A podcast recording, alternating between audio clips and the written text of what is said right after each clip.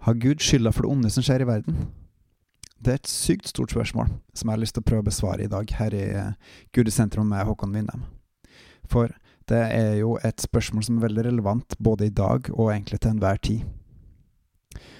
Når jeg skal besvare det spørsmålet her, så har jeg lyst til å eh, bare påpeke at mitt verdenssyn, mitt bibelsyn og livssyn påvirker måten jeg besvarer på og egentlig ser på det her. For Gud har skapt alt og alle som er på jorda, og han elsker oss mennesker. Ikke alt vi gjør, men han elsker oss mennesker. Og det er han som har satt i gang denne verden, og han har en plan med det hele. Det er mye som skjer her i verden, både av det gode og det onde. Og det er i hvert fall tre-fire makter som er relevante å nevne i den sammenhengen her. For det første så har vi motstanderen, motstanderen til Gud, djevelen.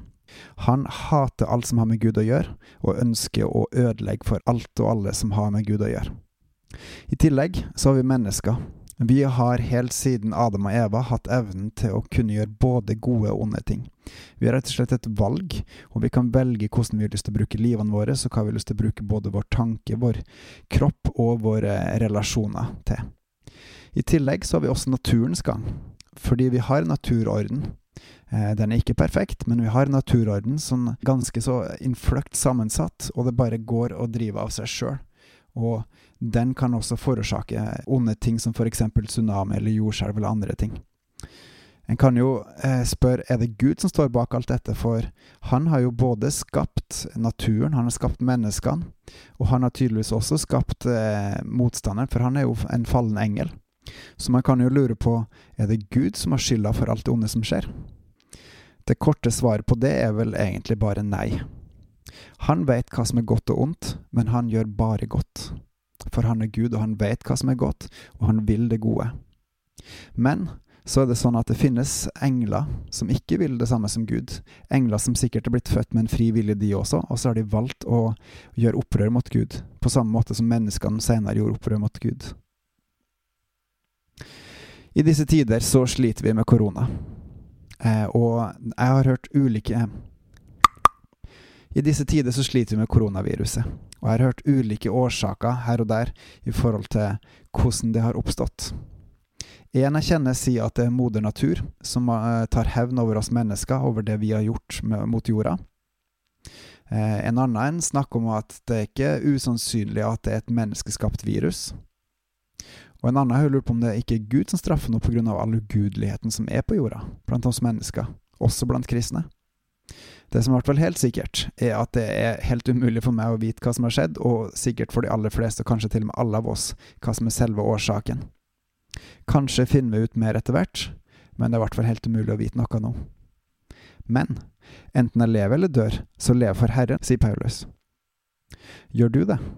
Lever du for deg sjøl, eller lever du for Gud? En liten test på det.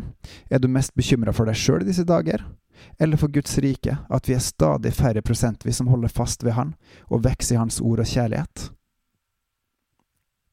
På Moria i Hellas er det nå svært mange flyktninger som lever under helt forferdelige kår, og hjelpearbeidere blir jaga fysisk vekk av noen av de lokale innbyggerne. Jeg kjenner to-tre stykk som er sterkt engasjert for disse menneskene på flukt fra krig, og på Facebook løfter de her opp på en veldig god måte, med masse nestekjærlighet. De presenterer krisa i flyktningleiren, de henvender seg til oss i trygge, rike Norge og ber oss engasjere oss. De brenner rett og slett for flyktningene. Brenner du og jeg for Guds rike? Flyktningene trenger hjelp, og det er viktig å hjelpe dem. Og dersom koronaen når dit, hvem vet hvor mange som vil stryke med, både av store og små? De er jo helt uten hjelp og beskyttelse. Men hva med alle de som er uten Guds beskyttelse, og som vil gå fortapt fordi de ikke hadde noen gudstjenere som ga dem hjelp og viste dem hvor de kunne få beskyttelse? Det er ingen garanti for at alt vil gå bra dersom man tror på Gud, ikke er på jorda. Men vi har den største gleden, tryggheten og beskyttelsen som finnes, for vi har evig liv sammen med Gud, uansett hva som skjer oss her på jorda. I paradis var menneskene både nakne og veganere, og det fantes ikke noe vondt, fordi menneskene ikke visste noe om det. De snudde dog med to tygg av den forbudte frukta, og siden har jorda vært fylt av både godt og vondt. Gud kjemper for det gode, djevelen for det onde. I midten mennesket som får velge, Gud eller verden, Gud eller djevelen.